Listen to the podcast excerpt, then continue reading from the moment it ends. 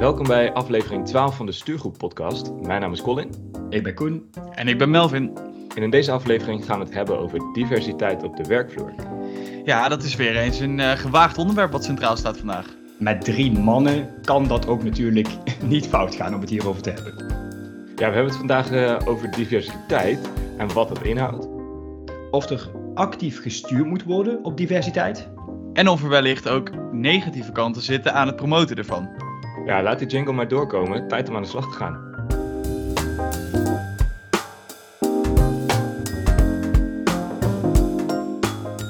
Zonder kantoorjargon boetepot natuurlijk geen aflevering van de Stuurgroep podcast. Zeker niet. Ook deze week zijn er namelijk weer een aantal nieuwe aanwinsten. En een opsomming van het kantoorjargon vind je nog altijd op de stuurgroep.nl onder het kopje boetepot. Gebruiken wij tijdens een aflevering of zelfs daarbuiten, bijvoorbeeld thuis of op het werk, één van die woorden, dan moeten we op het matje komen. Maar als we terugkijken naar de vorige aflevering, dan valt het best wel mee hoe erg het is. Want uiteindelijk zijn er maar twee woorden aan toegevoegd. Dus twee keer hebben we jargon gebruikt. Colin, jij was aan het schakelen met mensen in plaats van met ze te praten. En Melvin, je zat uh, lekker kort op de, op de klant. Ik denk dat je nog in de voetbalsfeer zat, dat je kort aan dekken was of zo. Hebben jullie verder nog iets gehoord tijdens de werkweek? Ja, ik heb één collega, daar werk ik samen mee op een project en die tikt stelselmatig alles af. Alles. Die tikt, tikt, tikt alles af. En die plant ook geen bila's, maar bilats. Dus die plakt daar nog die T van bilateraal, die plakt hij er gewoon nog lekker aan vast. Ja, ik ga hem sowieso echt een keer een turflijstje geven gewoon van, uh, van onze kantoorjargon. Want uh, ja, volgens mij heeft hij in twee, drie overleggen heeft hij gewoon die hele lijst afgetikt. Goed, Melvin, uh, gesproken, gesproken over boetepot en kantoorjargon. Wat is, de, wat is de stand van die van ons op dit moment? Ja, de, de keiharde euro's. Uh, die collega's moeten ook maar eens een tikje sturen inderdaad. Voor ons staat de boetepot in ieder geval op 57 euro. Right. Ja, de financiën weer op orde over tot de orde van de dag, diversiteit. Laten we even, zoals we dat al, altijd doen, bij het begin beginnen. Koen, als jij het hebt over diversiteit en dan specifiek op de werkvloer, waar denk je dan aan? In mijn eerste reflex, ik zit natuurlijk nu in het uh, IT-domein, denk ik aan diversiteit qua man-vrouw. Dus dat daar meer balans in is, want ik zit natuurlijk best wel in een mannenwereld. Maar dat kan ook veel groter, veel breder zijn, als in verschillende achtergronden, verschillende studies, verschillende nationaliteiten. Dus ja. een beetje mengelmoesje. Ja, leeftijd is ook al wel een ding. Hè? Je hebt die senior, medior, junior uh, gelaagdheid. Maar als die, uh, als die piramide zeg maar helemaal scheef is, dan, uh, dan merk je dat ook. Dus diversiteit en leeftijd absoluut ook. Melvin? Ja, je merkt ook tegenwoordig dat we steeds meer gaan letten op hoe je iemand aanspreekt. Want, nou ja, qua hoe zeg je dat? Is dat non-binair? Of ja, volgens mij is dat non-binair. Dus iemand die uh, liever niet als man of als vrouw gezien wil worden. Ook dat soort zaken beginnen steeds meer uh, onderwerp van gesprek te worden in relatie tot diversiteit. Ja, um, absoluut. Het is een heel brede, heel brede term. Diversiteit, dus Koen, jij begon daarmee, hè? Uh, genderdiversiteit. We kennen volgens mij ook het vrouwenquotum. Ik denk dat het uitgangspunt voor, voor deze aflevering in ieder geval wel moet zijn dat we dat niet alleen maar toespitsen tot genderdiversiteit, vrouwenquotum, maar dat we wel diversiteit in brede zin als uitgangspunt nemen. Lijkt me goeie. Melvin, jij en Koen werken bij dezelfde werkgever, financiële instelling, maar wel hele verschillende onderdelen van het bedrijf. Als jij om je heen kijkt, hoe divers is dan jouw directe werkomgeving? Ja, ik denk dat uh, met een paar punten die Koen net aanhaalde, hè, dus bijvoorbeeld uh, leeftijd, studieachtergrond en, en nou ja, dus ook het geslacht, gender. Ik denk dat we daarin redelijk divers zijn. Het is een, uh, wel een mengelmoes van jongere mensen, wat, wat, wat, mensen wat meer op leeftijd, uh, wat meer ervaren, studieachtergrond verschilt. Alleen het is wel veel wit. Laten we het gewoon heel, ja, ja, het klinkt heel bot, maar het is veel wit. Uh, in de hoek van de organisatie waar ik in ieder geval in zit. Maar ik weet niet, Koen, is dat voor jou heel ja. veel anders? Een uh, klein beetje misschien wel. Het uh, witte zeker ook. Ik doe er zelf ook uh, keihard aan mee. Maar omdat ik ook natuurlijk zeg maar, in een IT-team zit, we hebben heel veel mannen. Dus wel verschillende ja. studieachtergronden. Dus iedereen is op een andere manier eigenlijk terechtgekomen. Maar ik heb nou op een team van negen mensen met mezelf erbij, twee vrouwen erbij zitten. Dus dat is vrij laag. En als ik zeg maar, naar andere teams kijk waar ik mee samenwerk, ligt dat niet heel veel hoger. Soms komt er eens een team met drie vrouwen voorbij, maar dan heb je het ook wel gehad. Ja, dat wil ik nog vragen inderdaad. Of dat dan wel iets is voor de IT-hoek binnen de organisatie, Koen, of specifiek voor jouw team. Maar in principe is dat, als jij om je heen kijkt naar, naar directe teams, is dat wel een beetje de, de verhouding 2, 3 op de 10, zoiets. Ja, klopt. En, en, en voor de rest, zeg maar, die verhoudingen qua witte mannen op alle, alle andere, zeg maar, nationaliteiten of, uh, of huidskleuren. Ja, dat gaat nog een, een stuk schever. Want er zijn wel echt veel, nou, veel van ons zijn man en wit. En heel eerlijk, uh, gemiddelde leeftijd, ik denk rond een jaar of 40, 45, zoiets. Dus uh, ja, ik, ik zit er zelf met een aantal anderen uit mijn team zit ik er wel uh, ver onder. Maar ja. over het algemeen is het wat ouder. Ja, ik werk voor een ingenieursbureau. Is van origine echt hardcore techniek, zeg maar. Dat zit echt wel in de hart van het bedrijf. Nu ook steeds meer merk ik dat we de shift maken naar echt mensen specifiek werven voor het projectmanagementvak. Dus bedrijfskundigen, bedrijfseconomen. En dat was vijf jaar geleden echt wel anders. Toen ik binnenkwam was ik echt wel vreemde eend in de bijt. Niet alleen omdat ik, net als jullie, uh, in, in een, uh, nou ja, toch wel redelijk witte omgeving werk en ik met een, met een tintje binnenkwam. Dat, nou ja, dat heb ik nooit zo ervaren, maar goed, dat, dat is wel een dingetje. Maar tegelijkertijd was vooral mijn uh, studieachtergrond, die week heel erg af van wat ik om me heen zag. Dat waren echt uh, mensen van de TU Delft, TU Twente, TU Eindhoven, weet je wel, technische bedrijfskunde was het meest uh, managementachtige wat je dan zag. En ik had gewoon bedrijfskunde en ondernemerschap en innovatie gestudeerd. Dus toen kreeg ik ook best wel vaak de vraag, wat kom je hier doen? Maar wel van, hoe heb je je weg naar, naar een ingenieursbureau gevonden? Dus ik vind het wel mooi om te zien dat het zwaartepunt lijkt te veranderen. Uh, hangt ook wel samen, denk ik, met de vragen die we van klanten krijgen. Waar ook steeds meer dat ja, echt wel een organisatieaspect gecombineerd is met zo'n technische vraag. Dus um, ja, ik vind het mooi om te zien dat we als bedrijf wel in staat zijn om, om dan in te spelen op die marktvraag. Maar ik denk ook dat het best wel chapeau is voor het bedrijf dat ze dus heel erg naar inhoud kijken, daardoor gedreven zijn en dat verder ja. wie het is. Want jij zegt, nou ja, je, bent inderdaad, je hebt inderdaad een tintje, maar daar wordt niet op gereageerd, er wordt op gereageerd op je studieachtergrond. Ja, ik ja. vind dat best goed. Ja, wat wel, wat wel grappig is, dit zijn een beetje van die dooddoeners die je dan ook van die Instagram-pagina's ziet, waar mensen zich uh, graag willen uitlaten over uh, etniciteit en zo. Dat ik bijvoorbeeld wel word gevraagd naar, waar komt je achternaam ja. vandaan? Weet je ja, wel, dat okay. soort dingen. Ik weet niet hoe vaak jullie dat soort dingen hebben moeten vertellen. En ik, ik denk daar persoonlijk helemaal niks achter. Maar het valt natuurlijk, het valt wel op. En het valt op dat ik gemiddeld gezien wat, uh, een, een, een, wat donkerder kleurtje heb dan de rest. Maar nogmaals, dat heeft, ik heb dat nooit ervaren als um, dat er anders naar mij gekeken wordt. Het is eerder inderdaad, ja, wat kom jij toevoegen aan het project met, jou, uh, met jouw bedrijfskundige achtergrond, omdat ze vragen van, um, hey, die, die Jan waarin, uh, wat, doet hij hier? Nee, absoluut niet. Dat, dat, zie ik ook niet zo snel gebeuren, eerlijk gezegd, in een, uh, in een beursgenoteerd bedrijf. Maar dat terzijde. Nee, okay. dat, dat, dat, is waar. Tegelijkertijd, dat had je ook toen je mij de eerste keer leerde kennen, Uh, als je mij dan hoort, dan is wel meteen de vraag: Zo, waar uit Limburg kom je vandaan? En vertel daar eens wat over. Ja, ja, Niet dat dat vervelend is of zo, maar het is wel meteen iets waar je over praat. Zeker. Ja, dan uh, zit ik wel heel erg op safe, denk ik. Uh, komend uit Gelderland, gewoon redelijk Nederlandse naam. Want de enige keer dat met mij de vraag gesteld wordt van... joh, waar komt je achternaam vandaan? Is op het moment dat ik uh, in een hotel moet inchecken in het buitenland. Dat ze langs ja. strui struikelen over mijn achternaam. En dan vragen je... Dutch, Dutch, Deutsch. en dan vooral leuk om ze dan te laten horen hoe ze dat moeten uitspreken. Maar verder is het, heb ik de vraag nog nooit gehad. Dus dat is eigenlijk ook alweer een eye-opener. Dus als wij kijken naar onze eigen omgeving, hè, diversiteit, ja, maar tot, tot in zekere zin kan ik denk wel stellen voor ons alle drie.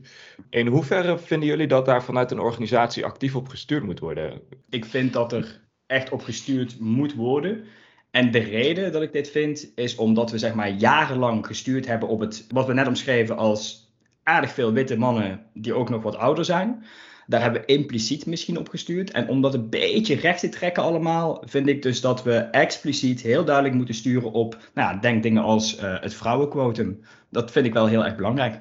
Maar Koen, even advocaat van de duivel. Jij zegt net hè, dat het ook chapeau is dat uh, bedrijven op uh, inhoudelijke competenties sturen. Ja. Kijk, als in bijvoorbeeld ja. IT, laten we gewoon feitelijk stellen dat de pool mannen daar groter is dan vrouwen. Zonder daar iemand mee tekort te doen. Bedoel je dan dus, de studiepool bijvoorbeeld, Melvin? Dus waar nou, de vijver waar uitgevist kan worden door, een, exact. door een bedrijf? Die, ja, die okay. vijver inderdaad. Dus la, laten we even gewoon stellen dat die groter is met meer mannen dan vrouwen. Dus de kans dat je daar op inhoud een man treft, is groter. Hoe verhoudt zich dat dan tot nou ja, voor jou bijvoorbeeld een, een vrouwenquotum?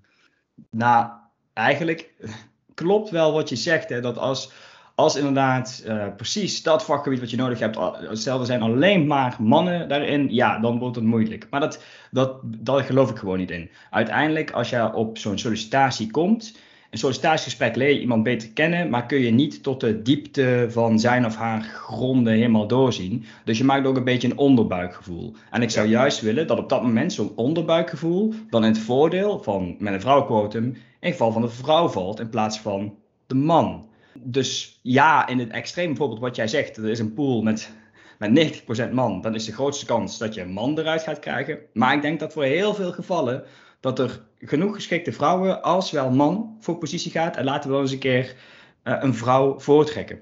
Ik denk ook dat dat het bedrijf heel erg ten goede komt, als ik eerlijk ben. Ja, ik, ik moet eerlijk bekennen dat ik niet per se voorstander ben van allerlei quotums, maar ik kan je wel heel goed volgen, Koen. Um, er zijn natuurlijk ook best wel veel onderzoeken gedaan naar dat een, een manager die een bepaalde selectieprocedure leidt, sneller geneigd is om iemand uh, aan te nemen die vergelijkbare competenties heeft als hij, hij zelf. En die ook nog eens uh, uh, misschien wel een beetje dezelfde achtergrond heeft. En nou, laat het dan toevallig ook nog eens een man zijn. Dus dan houdt het zichzelf een beetje in stand. Je zou bijna kunnen zeggen dat je die, die quotums nodig hebt om dat patroon te doorbreken. Is, is ja. dat dan ook hoe jij het ziet? Eigenlijk ja. als patroondoorbreking? Exact, want ik zie die, die, die, die quota die, we, die ik het liefst nu zou zien, zie ik ook het liefst tijdelijk. Hè? Dus okay, dat, zodra, we die, inderdaad. Ja. Dus zodra we die patronen hebben doorbroken en je hebt meer balans qua diversiteit, en dat, uh, die balans zit dan weet ik wel, op een hogere managementlaag en gewoon op de werkvloer, ja, ja, dan heb je ze ook niet meer nodig, omdat dat niet meer ingebakken zit. Maar wat is dan balans? Is 50-50 balans? Of is, vind, vind ik moeilijk te zeggen hoor. Dat vind ik ook heel moeilijk te zeggen. Uh, het is ik weet, ik weet niet waar je die percentages moet zetten. Maar als, je, als ik even naar man-vrouw alleen kijk, ongeveer wat de helft van Nederland is man, de helft is vrouw. Ja, dan zou ik zeggen 50-50 klinkt wel als een goede balans, toch? Ja. We hebben nu over vrouwenquoten. Welke, welke vormen van actief beleid kennen we nog meer? Want ik zei in het begin van laten we alsjeblieft ons best doen om het niet alleen maar tot genderdiversiteit te beperken. Kennen jullie nog voorbeelden? Misschien niet uit eigen werkomgeving, maar, maar andere zaken? Er is een partij die helpt om uh, vluchtelingen uh, aan, aan werk te helpen in Nederland. Mm-hmm. Dus die helpt ze ook met inburgeringszaken en helpt ze ook om een baan te vinden. Uh, daar ben ik ook mentor bij geworden. Dus nice. on the side. En je merkt dat er bepaalde bedrijven zijn die heel erg sturen op een actief je moet Nederlands spreken beleid. Dus dat is niet heel erg uh, gericht op het diversiteit. Maar je merkt ook dat verwelkomend. Niet echt, nee. De deur staat niet eens op een kiertje. Nee. Dat is best wel erg om te zien. In sommige gevallen snap ik het wel hoor. Maar niet daarop in te gaan. Er zijn ook genoeg bedrijven die, die uh, zeggen, nou weet je, voertaal hier is Engels. Heb je dat onder de knie? Dan kunnen we wel lekker werken. Tegelijkertijd, we willen zoveel mogelijk, en dat merk je wel, het zijn wat creatievere bedrijven, we willen zoveel mogelijk creatieve input hebben. En dat lukt niet met eenheidsworst. Dus kom je ergens anders vandaan, dus heel actief ja. een andere nationaliteit, wees welkom. En dat vind ik wel mooi. Ja, Melvin, jij had het op een gegeven moment over de beste man of vrouw met de beste competenties voor de job. Uh, kennen jullie iets als, als anonieme cv's of iets dergelijks? Wordt dat bij jullie gebruikt of helemaal niet? Uh, ik, ik, ik snap wat je zegt uh, met anonieme cv's. Volgens mij houdt dat in principe in dat alles wat, laat maar zeggen, naar uh, diversiteitsfactoren kan leiden, dat je dat weglaat, toch? Even om, om ja. een, ook maar een definitie dus, aan te geven. Leeftijd, gender, dat soort, dingen zit er, dat soort dingen zit er dan niet in. Naam weet ik eigenlijk ook niet. Dat je dus ook niet op basis van Jan waarin kunt zeggen dat zal wel geen 100% Nederlander zijn. Maar inderdaad, alleen je, je, je kwalificaties. Dus je studieachtergrond, uh, welke, welke cursussen, et cetera, je allemaal gevolgd hebt, uh, waar, je, waar je goed in bent. Dus dat je zou zeggen in de eerste selectie, want ja, tot op welk niveau heb je het alleen maar over cv's, dat het in de eerste selectie zou het anoniem zijn. Ja, je hebt daar wel. Eh, bij ons in het bedrijf, laat ik het dan maar even zo voor. Er wordt daar niet actief uh, iets mee gedaan. Maar je ziet het wel, mm -hmm. denk ik, steeds meer vanuit individuen ook zelf ontstaan. Uh, Koen, je hebt het laatst ook wel eens een keer gehad over sollicitanten. Ik zie wel steeds vaker dat mensen bijvoorbeeld hun, hun leeftijd of geboortedatum proberen weg te laten. Uh, of tenminste, proberen weg te laten, die laten ze weg. Uh, weet je, dus op die manier doet men het zelf wel. Foto's bijvoorbeeld niet af en toe op je cv zetten. Dus ja. men is daar schijnbaar zelf dan bewust of onbewust wel mee bezig. Alleen uh, de organisatie waar ik voor werk doet dit niet. Maar je hoort het inderdaad best wel veel, steeds meer. Vooral, vooral in het buitenland volgens mij ook. Ja, uh, dat dit steeds meer upcoming is uh, en dat het ook gewoon meer de norm wordt. Uh, om het wat nou ja, neutraler en zuiverder te houden. Ja, ik moet zeggen dat ik toevallig nu in een uh, offerteproces voor een project van een klant zit. Waar we dus ook onze cv's anoniem in moeten sturen. En waar ze echt alleen maar willen zien wat is het projectenportfolio waar het uh, beoogde team aan, uh, aan gewerkt heeft. In plaats van dat ze kunnen oordelen van zien dat er, ziet dat eruit als mensen waar we graag mee zouden willen werken. Dus daar, je, je ziet het wel komen, maar ik denk dat het en niet per se heel erg gecoördineerd is of zo. Dat het misschien inderdaad wel persoonlijke verzoeken kunnen zijn. Dit ging inderdaad wel meer onder het mom van de AVG, dat ze dus niet vroegen naar persoonsgegevens. Ja, ja. Uh, vond ik op zich best wel um, best een goed argument. Ja. ja, maar ik vind ook, ja, heel eerlijk, uh, als ik anonieme uh, cv's onder mijn neus zou krijgen, nou prima toch? Ik bedoel, ik zie niet heel veel reden waarom, waarom ik per se de naam zou moeten weten of de leeftijd van die persoon. Ja, eens, eens. Ik vraag me wel sterk af, en dat zei ik net ook al, hè, tot op welk niveau helpt dit? Want op een gegeven moment komt er in die sollicitatieprocedure natuurlijk een moment dat je elkaar wel treft. Ja, en dan zou het altijd nog door, door kunnen slaan naar, naar een keuze die dan weer meer in het verlengde ligt van wat er nu al uh, binnen het bedrijf rondloopt. Tegelijkertijd moet je denk ik ook dat soort middelen niet allemaal afzonderlijk van elkaar zien, maar meer wat ze als totaalpakket brengen. Wat ik me wel afvraag is, je zou hier kunnen stellen dat je naar een soort van positieve discriminatie gaat, als ik het goed zeg. Je gaat een voorkeursbehandeling bijna geven. Is het niet zorgelijk dat je um, door middel van positieve discriminatie eigenlijk exact hetzelfde probeert te bestrijden, namelijk discriminatie? Positieve discriminatie is toch een vorm van, zou je zeggen? Zeker, en het ligt er ook natuurlijk wel aan hoe je, hoe je hiermee omgaat. En laten we ook dat voorop stellen. Want als jij in een vacature zegt, wij willen een vrouw, punt. Dat is natuurlijk wel wat anders dan dat je aangeeft, joh, we zijn op zoek naar een goede balans in het team of iets dergelijks. In die end komt het op hetzelfde neer.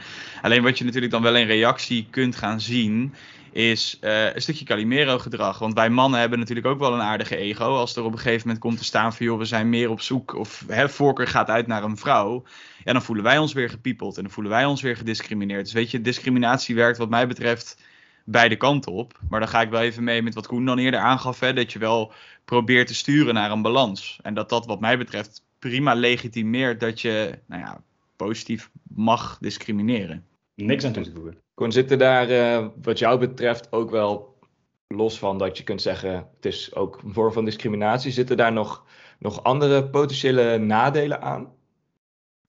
Een nadeel wat hier aan kan zitten, en dat, dat zijn zeg maar vooral in het begin, de pijntjes als je dit gaat doen, is als je dit actieve beleid gaat hebben, dus bijvoorbeeld meer uh, actief op vrouwen werven of actief op mensen met een uh, andere nationaliteit, is dat de mensen in het bedrijf, nou, kijk wat Mel van ik net zeiden, hoofdzakelijk man en blank, zichzelf daar niet in kunnen herkennen. En dan, dat gaat wel even tot wat wrijving leiden. Maar ja, heel eerlijk, dat hoort er even bij in zo'n transitieperiode, vind ik. Ja, ik, ik, uh, ik snap dat jij dat zo ziet. Ik kan tegelijkertijd ook heel goed begrijpen dat de mensen die dus 30 jaar in het vak zitten en precies aan dat uh, stereotype voldoen waar jij net beschreef, echt zoiets hebben van wat is dit nou weer voor een, uh, voor een wind die hier door het bedrijf komt waaien. Daar, ik, voel, ik voel me hier niet thuis het is natuurlijk wel wat je uitstraalt naar, naar je team en naar de mensen om je heen. Want op het moment dat je hier heel hard ook over gaat zijn van ja, nee, we hebben echt voor deze vacature wil ik heel graag een vrouw hebben. Je wil, laat maar zeggen, niet dat mensen zich al buitenspel gezet voelen voordat een sollicitatietraject begint. Dus het zit er voor mij wel ook meer op hoe je dit als manager naar zowel intern als extern uitstraalt. Dat je nog wel een ander de ruimte geeft en niet het idee geeft dat hij eigenlijk al kansloos is bij voorbaat. Want dat is sowieso wat je per definitie moet voorkomen met een quotum wel of niet. Dat mag je niet uiten naar mensen toe, vind ik. Nee, zeker niet. En wat ik denk ook belangrijk is, Melvin, dat, dat ligt een beetje in het verlengde van wat jij net zegt, is dat je het niet presenteert als zijnde, dit is ons wettelijk opgelegd en we nemen hierover een strategisch besluit en zoek het lager in de organisatie maar uit. Maar dat je ook wel echt het, het, het middel-lager management, maar ook gewoon de mensen op de vloer meeneemt in het belang van diversiteit. Wat het je gaat brengen, wat een diverser team je gaat brengen richting de toegevoegde waarde naar je klanten. Eens. Dus dat, dat soort dingen, dat moet echt gaan leven. Anders blijft het uh, een, een, een corporate decision, of in ieder geval zo'n strategisch geneuzel, waar heel veel mensen gewoon niet op zitten te wachten. Wat, wat ik mij persoonlijk wil afvragen, en ik ben vooral ook wel benieuwd, Koen, hoe jij daar naar kijkt, is of bijvoorbeeld zo'n vrouwenquotum, laten we het daar dan toch maar even bij houden, want het is een heel concreet voorbeeld. Of dat dan de positie van een vrouw die bijvoorbeeld een promotie krijgt, niet ontzettend ter discussie stelt. Daarmee bedoel ik te zeggen, krijg je niet de geluiden als, ja, jij bent in aanmerking gekomen voor die promotie, of jij hebt die managementrol gekregen omdat ze op zoek waren naar een vrouw. Zeker, dat ga je krijgen. En dat heeft te maken met die transitieperiode, wat ik net zei. Dat mensen hier even door hun eigen stigma's heen moeten. Ja. En in alle eerlijkheid, dit zijn de zuurpruimen die ertussen zitten. Hè? Eens. En die moeten hier ook even doorheen gesleept worden.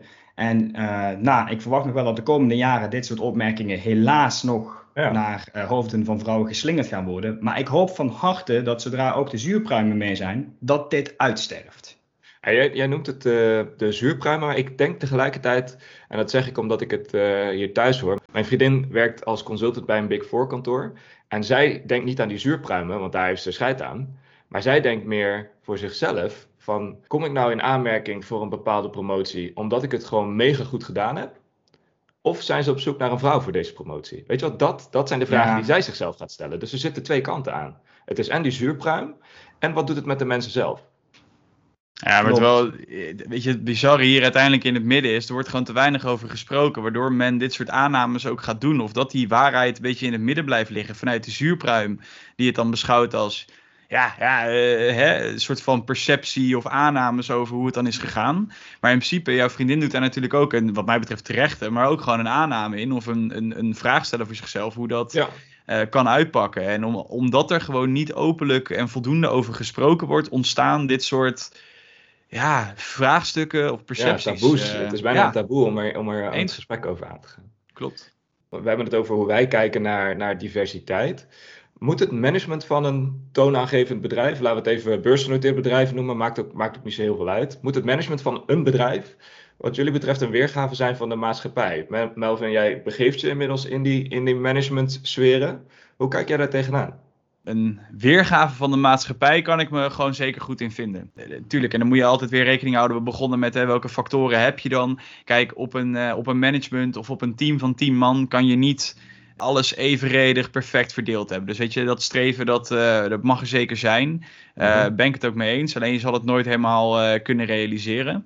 Als ik ook gewoon vanuit mijn eigen positie kijk.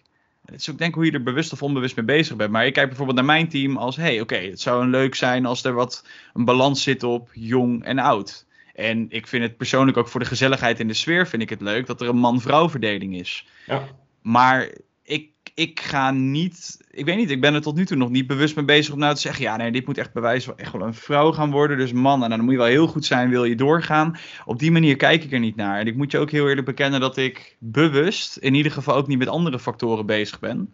Volgens mij zegt wetenschappelijk onderzoek vooral dat dit onbewust gebeurt bij mensen. Ja. Dus ja, en ja, vanuit managementoptiek, volgens mij zei je dat in het begin al, dat straalt natuurlijk wel uit naar lager in de organisatie. Dus op het Ja, moment dat je daar een juiste weerspiegeling hebt, kan ik me voorstellen dat de weerspiegeling naar de, naar de andere lagen ook eh, iets neutraler gaat uitvallen. Ja, want wat ik dus zelf wel ehm, nou, op zijn minst opvallend vind, is dat ehm, bij ons in het bedrijf wel heel actief gestuurd wordt op de juiste man-vrouw verhouding. Maar dat de eerste manager met een migratieachtergrond volgens mij nog aangesteld moet worden. Hm. En nu zeg ik niet dat dat mij tegenhoudt of dat dat mijn ambities zou drukken, maar het is onbewust iets wat, ja, toch wel wat je zegt, Melvin, onbewust iets wat wel af en toe door mijn hoofd gaat. Van, eh, betekent dit dan dat dat pad niet te bewandelen is? Terwijl ik direct het antwoord weet, en dat is dat het pad prima te bewandelen is. Maar misschien is er, is er nog geen voorganger geweest, weet je wel zo. Dus ook hier geldt denk ik dat, ehm, ja, dat, het, dat het ook misschien een soort transitiefase is richting, richting een echt divers management. Wat dus niet alleen maar eh, omdat ja, zo'n vrouwenquotum nou eenmaal wettelijk verplicht gesteld is. eh, dat het niet alleen maar gaat over genderdiversiteit. Maar dat gewoon diversiteit in brede zin ook zijn, eh, ook zijn weg nog ja, naar de hoogste regionen van de kantoorjungle moet vinden. En ik denk wel dat het dat ook moet doen, want een aanvulling op wat Melvin zei, het is natuurlijk de voorbeeldfunctie die daar zit. Hè? En uiteindelijk Ja. neem ik aan dat je dit voorbeeld wil stellen, zodat de rest van het bedrijf ook, al dan niet uit zichzelf, zal volgen. Ja, ja, inderdaad. Klopt, maar laten we dan ook nog even vooropstellen om daar dan mee te eindigen dat als een eh, hoger management roept wij hebben een quotum, dus zoveel procent moet vrouw zijn. Weet je, again, het gaat mij echt ook om hoe je het vertelt, hoe je het uitstraalt ook in je organisatie, want anders krijg je Ja. alleen maar eh averechtse reacties, denk ik. Ja, ja. Hey, stel nu dan hè, dat, dat jullie na aanleiding van deze aflevering uitgenodigd worden door de CEO van het bedrijf. Wat zou dan de, de, de key takeaway? Is, dat een euro? Dat is wel een euro. Dat is wel een euro. wat, wat zou dan de key takeaway van, van jouw verhaal richting hem zijn? Ja, ik, ik, ik haal het nu net misschien iets te vaak aan, maar het zit hem voor mij vooral in de uitleg en in de communicatie. Weet je, als je een verhaal hebt, welke kant die ook opgaat, hè, of je nou wel een quotum hebt of niet, maar rondom het topic diversiteit, heb een duidelijke visie of een verhaal die, eh, waarin je je mensen ook kan meenemen, die trouwens ook consistent is, niet van links naar rechts gaat. Dat zou voor mij uh, wel echt ook de boodschap zijn naar hoger management toe, van heb hier wel een, een verhaal bij en, en straal dat ook uit. Melvin, als jij het hebt over het verhaal erbij, dan zou ik graag zien, als mijn key takeaway, dat er gewoon een hele duidelijke en ontzettend ambitieuze beslissing achter ligt. Dus dat er wordt gezegd, uh, want hier ligt aan ten grondslag dat we een vrouwenquotum van 50% willen.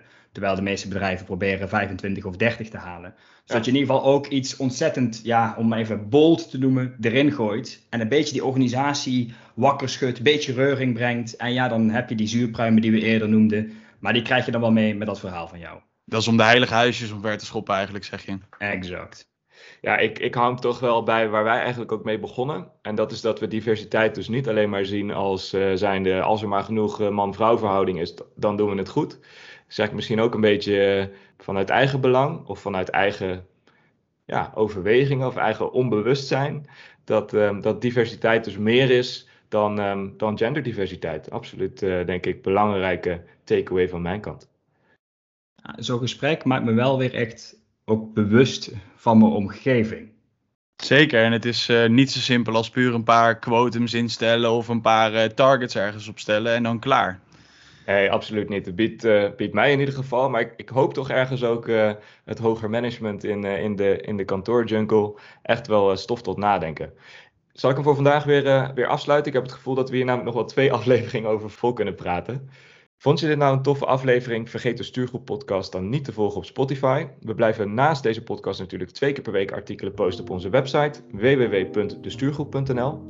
En voor nu zou ik zeggen, volg ons ook even op Instagram en LinkedIn. Dat is heel simpel, de Stuurgroep op Instagram en de Stuurgroep op LinkedIn. Zodat je precies weet waar de volgende podcast aflevering over gaat en wanneer er een artikel online staat op onze website.